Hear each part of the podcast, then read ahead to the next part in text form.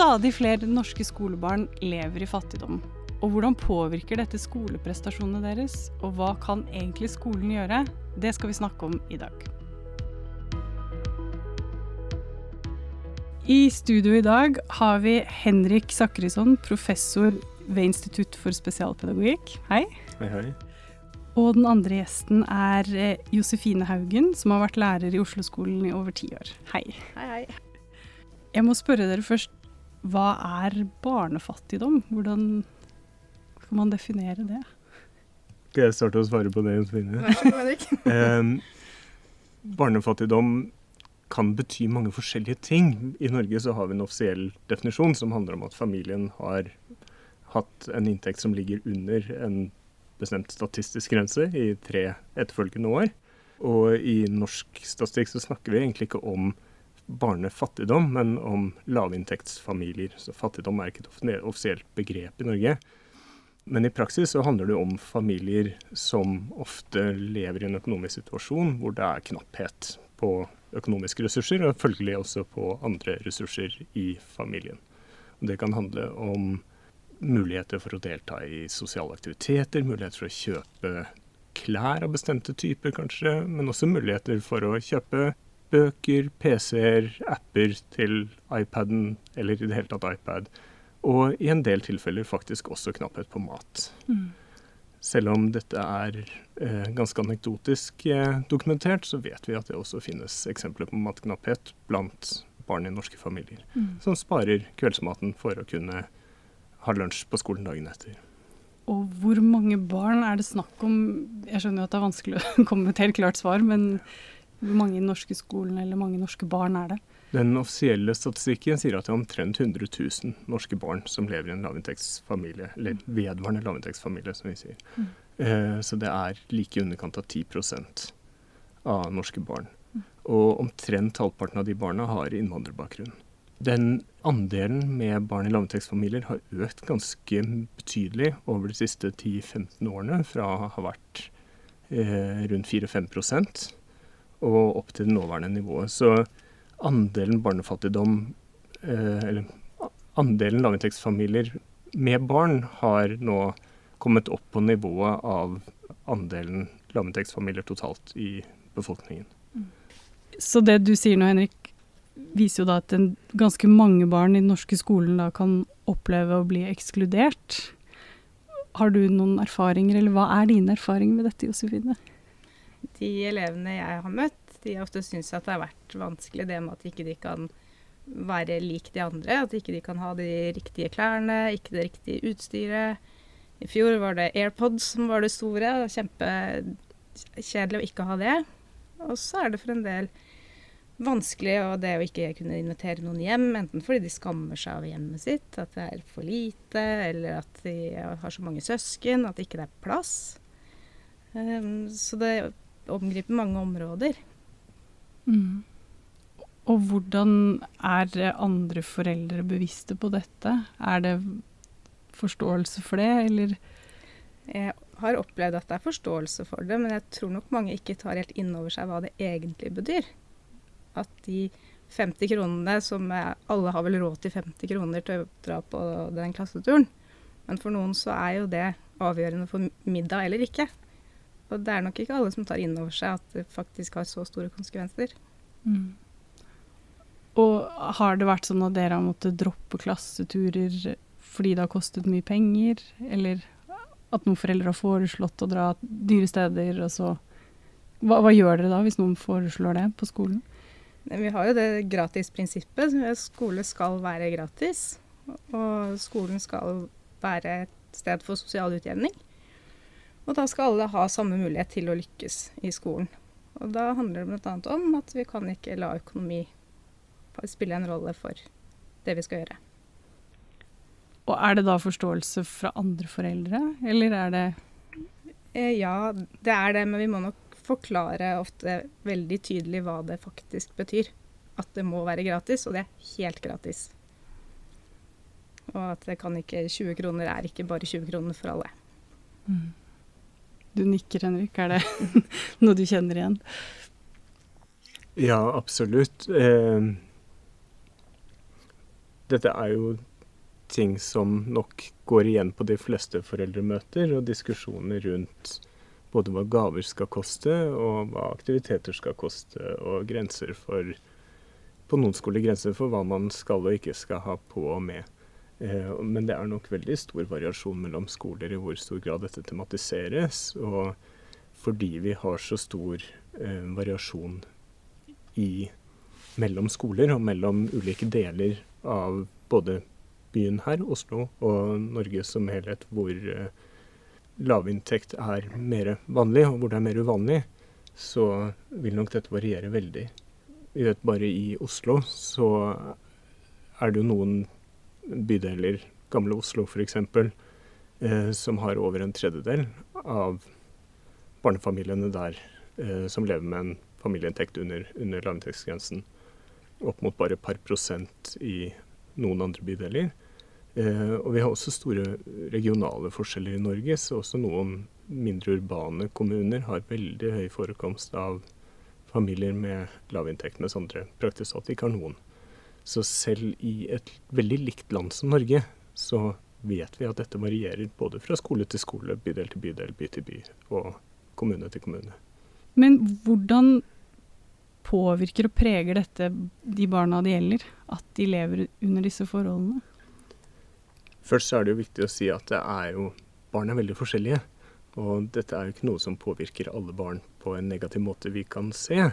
Men på et overordnet nivå så vet vi f.eks. hvis vi ser på skoleprestasjoner, at hvis vi sammenligner resultatet resultater på PISA-prøver f.eks., som er veldig gode prøver, eh, sammenligner de 10 fattigste og 10% rikeste i Norge, så er det ganske store forskjeller. De er mindre enn i de fleste land, men de er fortsatt betydelige. Og det er en forskjell hvor du kan tenke deg at en elev som kommer fra en lavinntektsfamilie, er helt midt på tre i klassen, og en klasse på 25 elever, så vil, er forskjellen så stor at den som kommer fra en av de rikeste familiene, vil være på femte- og sjetteplass i rangordningen i den klassen.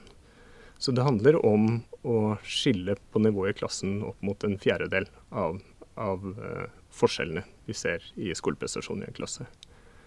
Men vi vet også at det har påvirkning på andre områder i barns liv. Uh, noe forskning jeg har gjort, eh, viser sammenhenger mellom familieinntekt og eh, atferdsvansker hos små barn. Og hvor vi ser at når familiene får dårligere råd når barna er helt små, så øker nivåene av atferdsvansker hos barna. Og det gjelder både utagerende atferdsvansker og tilbaketrekning, engstelse, eh, den typen symptomer. Mens hvis familien får bedre råd, så faller de symptomene. Vi vet også fra eh, Barn i Bergen-studien at forekomsten av diagnostiserbare psykiske lidelser hos den gruppen foreldre som har lavest inntekt, er omtrent fem ganger høyere enn blant de som har høyest inntekt. Fem ganger høyere. Så det er ganske dramatisk i den studien. Dette er de samme trendene som vi ser også internasjonalt.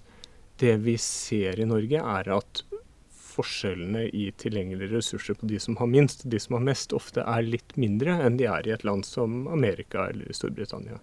Så forskjellene er mindre enn det man ser i andre land, men de er fortsatt, som dere skjønner, ganske betydelige. Det var mye. Fem ganger. Og hvordan preger da denne hjemmekonteksten barna når de er på skolen, da? Hvordan merker dere det som lærere? Eh, som lærere så møter vi jo barn som har mange forskjellige familiebakgrunner. Og vi møter de egentlig litt på samme måte. At vi ønsker å ha verdier om mangfold og inkludering, f.eks eh, tilpassa opplæring og alle disse tingene som eh, gjelder alle. Og så kan det være at dette her kommer da årsaken til ulike vansker kommer fram f.eks. i utviklingssamtaler. da. Jeg spør gjerne om helt vanlige ting. Altså du er veldig trøtt. Får du nok søvn? Og så kommer det kanskje fram at ja, nei, mor jobber veldig hardt. Hun har ikke mulighet til å følge opp at Per får lagt seg om kvelden. Og så blir det for lite søvn, og så går det utover læring. Så ofte så får vi innblikk i de vanskene litt sånn indirekte. Og da kan vi jo hjelpe til det vi kan, da med enten å finne praktiske løsninger. Altså kan du ha en alarm på telefonen som sier at nå er det på tide å gå og legge seg, hvis du mm. glemmer tida, eller kan prøve å finne på sånne ting. Eller så kanskje vi kan koble på andre i bydelen f.eks. som kan hjelpe Per å komme seg opp om morgenen ved at de ringer på døra, faktisk. Altså sånne type tiltak. Vi kan, vi kan, se det der. Vi kan se det på at de er ukonsentrerte, og det kan kanskje skyldes at de er sultne. Og det også kan komme fram i utviklingssamtaler at nei, Spiser ikke frokost. Sparer til lunsjen, f.eks. Og så ser vi også at det, hvis det er utflukter, selv om de i utgangspunktet er gratis, så kan det være en del som syns det er vanskelig at de klassekameratene har med seg penger til å gå på kafé i pausen f.eks., og som da heller velger å bli hjemme. Det er noen som ofte blir hjemme hvis de skal på tur. Og da må vi jo spørre oss selv hvorfor skjer dette, hvorfor blir de aldri med på tur? Og da kan jo det være en sånn type årsak. Og det er jo veldig trist å høre. Men hva kan, hva kan dere som lærere gjøre da, eller hva er det Kan man spørre spesifikt, eller blir det å gå for langt inn i det private? Det viktige for læring er jo at, selvfølgelig at alle grunnleggende behov er dekt først. Eh, og så er det litt begrensa hvor mange virkemidler vi har, og hvilke eh, mulighet, ja, hvilke muligheter vi har for å gripe inn, rett og slett. Og gjøre noe og hjelpe til. Altså, vi kan ikke skaffe penger. Men eh, ja, vi kan hjelpe til å prøve å finne praktiske løsninger. Eh, og vi kan hjelpe til med prioriteringer. Noen ganger så må vi snakke om det at eh, barnet ditt kan faktisk ikke jobbe så mye. Du må også få tid til å gjøre lekser. Og noen ganger så er det nok at læreren sier det. At du må faktisk gjøre lekser. Og Sånn at foreldrene hører det, og så kan det skje. Ja. Mm. Og når du sier jobbe, da er det ungdomsskoleelever det som har deltidsjobb ved siden av? Ja. ja. Eller ja, passe mm. søsken, eller Men hva er det Vet ikke om dere har svaret på det, men liksom bare tenker høyt her nå. Hva er, det, hva, er det, hva er det skolen kan gjøre, eller fins det måter å rigge dette hvor man i enda større grad kan fange opp disse barna og ivareta dem? Da du sier jo at denne gruppen med barn øker. Er det noen ordninger som man kan ha, eller hva, hva er det annen forskning viser om at har effekt på dette? Mye forskning, i hvert fall den forskningen jeg kjenner til som ser på tiltak, er fokusert på ganske sånne strukturelle nivåer. Altså hvordan gjøre den økonomiske hverdagen for familier bedre gjennom skattefradrag eller økonomisk støtte, andre strukturelle tiltak eh, som kan hjelpe.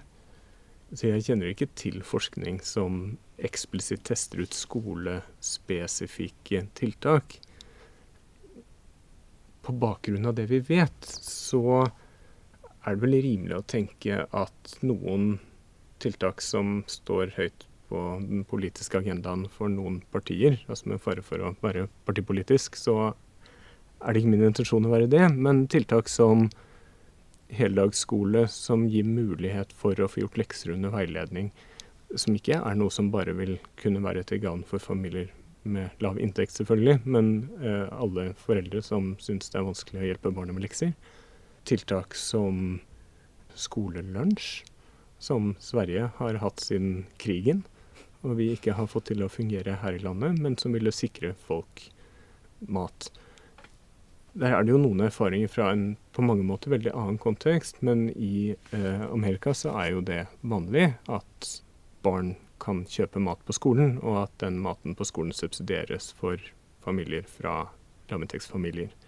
Og i hvert fall som en prinsipiell ordning så sikrer man jo da at barn i hvert fall har to måltider. For det er en frokost som serveres på skolen, og en lunsj som serveres på skolen. Så for de barna er jo det selvfølgelig en, eh, et veldig viktig tiltak. Ja, jeg vet ikke om du har tanker om andre, andre tiltak?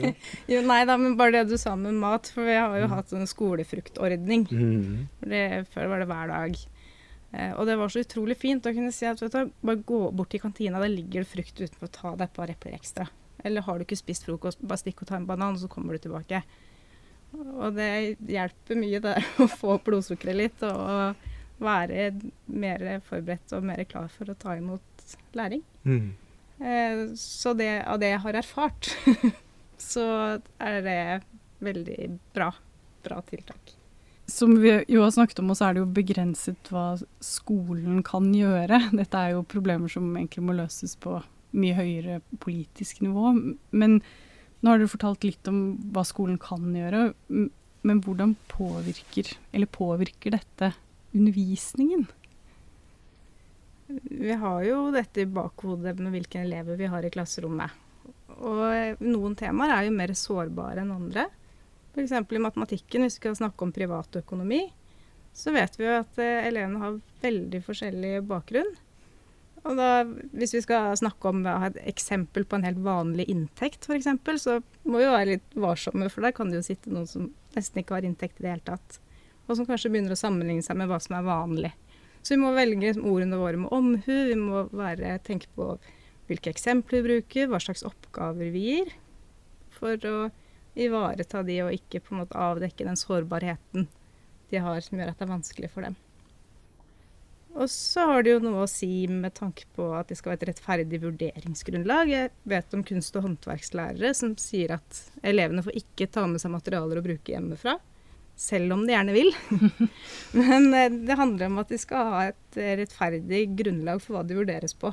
At ikke de skal kunne ha noen fordeler med å ta med seg dyre materialer hjemmefra, f.eks. Henrik, jo, du forsker på dette, og du leder et stort prosjekt. Kan du fortelle litt om hva det er dere forsker på?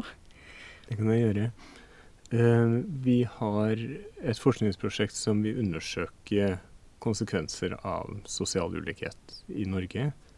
Ved å både undersøke konsekvenser av sosial ulikhet på nabolagsnivå, som jeg snakket om i sted. At noen steder i Norge så er tettheten av familier med lav inntekt mye høyere enn andre steder.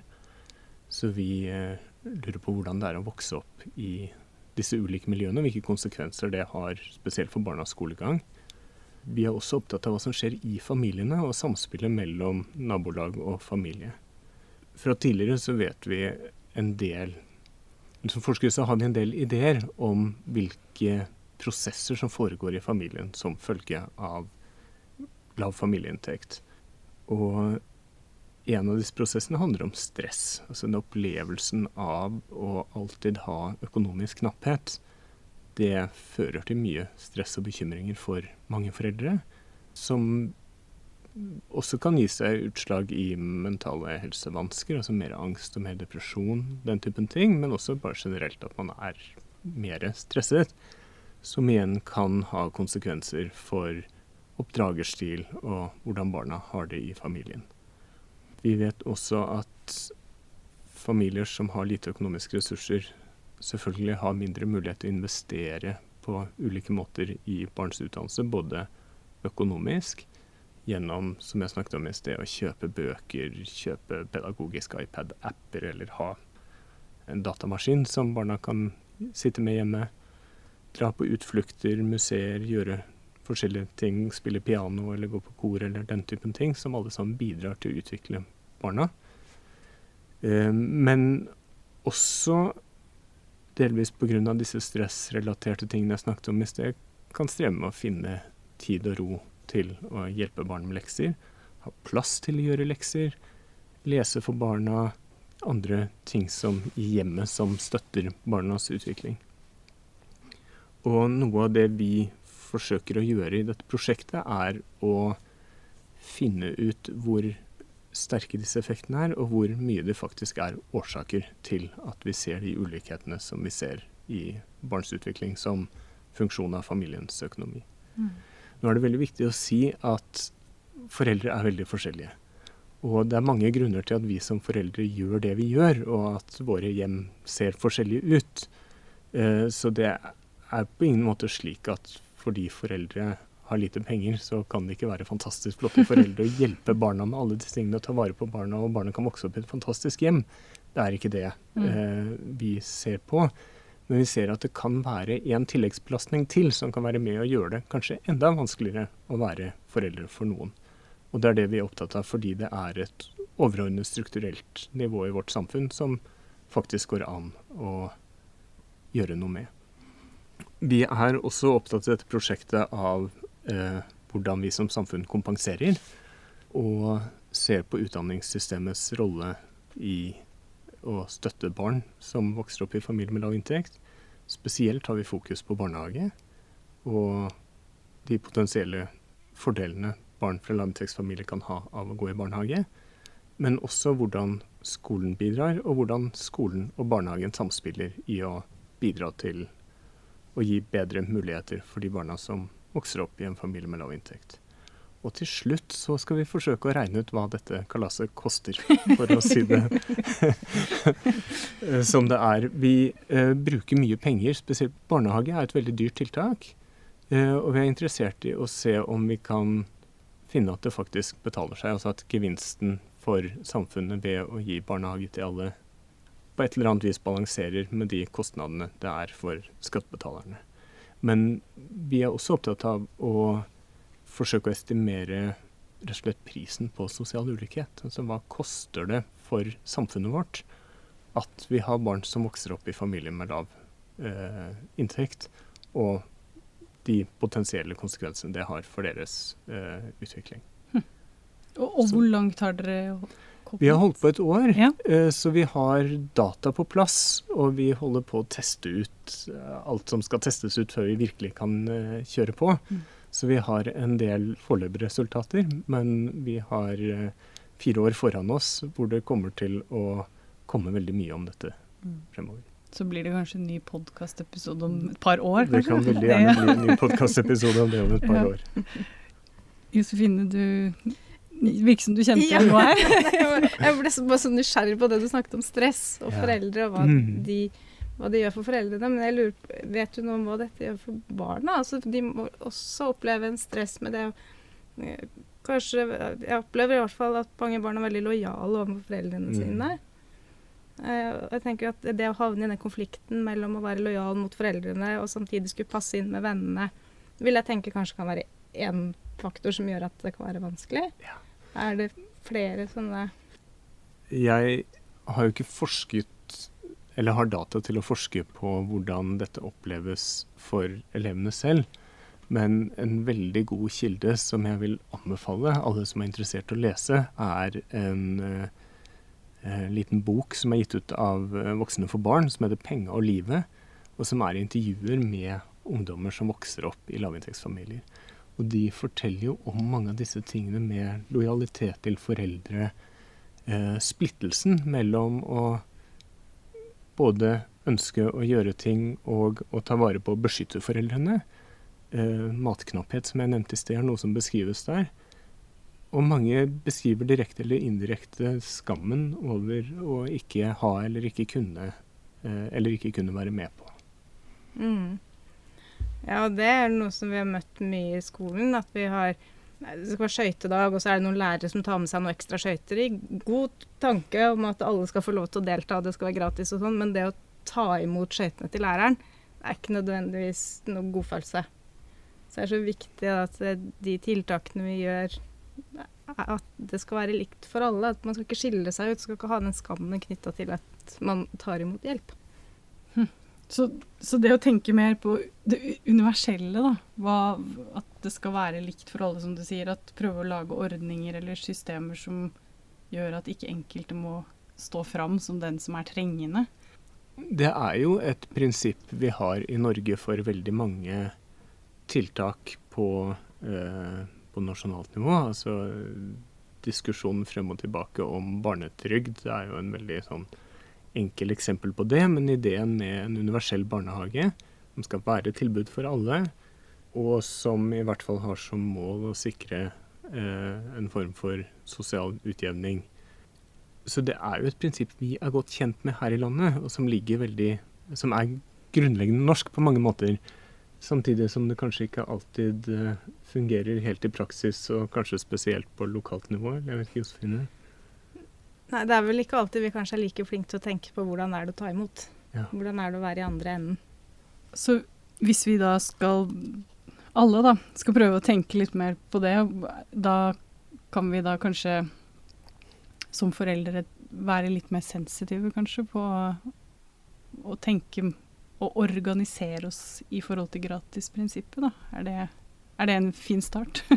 Altså jeg tenker hvis alle foreldre har det at det finnes ulikheter i samfunnet som i bakhodet, som Josefine snakket om at lærere har, eh, og litt uavhengig av om vi har råd til det ene eller det andre, tenker at vi kan gjøre ting på måter som ikke øker risikoen for at noen blir stigmatisert. Det kan jo være andre grunner til at folk ikke kan gjøre ting enn at de ikke har penger, selvfølgelig. Men å skape kulturer lokalt for at bursdager kan være ute, og vi kan ha gaver organisert på en måte som gjør at folk ikke lar være å gå på bursdag fordi de ikke eh, syns de har råd til å betale for det, eller klasseturer. Altså at vi som foreldre kollektivt kan lage en kultur som inkluderer alle, uavhengig av penger eller andre ting. Det vil i hvert fall være med å lette hverdagen for mange. Det er jeg ganske sikker på. Dette har vært veldig tankevekkende og jeg må nesten si lærerikt. og takk for at dere kom for å snakke om et såpass viktig og alvorlig tema, Henrik og Josefine. Takk for at du tar det opp. Mm. Takk. Fint å være her. Takk for at du hørte på denne episoden. Jeg heter Elise Koppang Frøyd og har vært programleder og gjort research sammen med Marika Vartun. Produsent har vært Shane Colvin. Du kan følge oss på De utdanningsvitenskapelige fakultets Facebook-sider. Vi høres!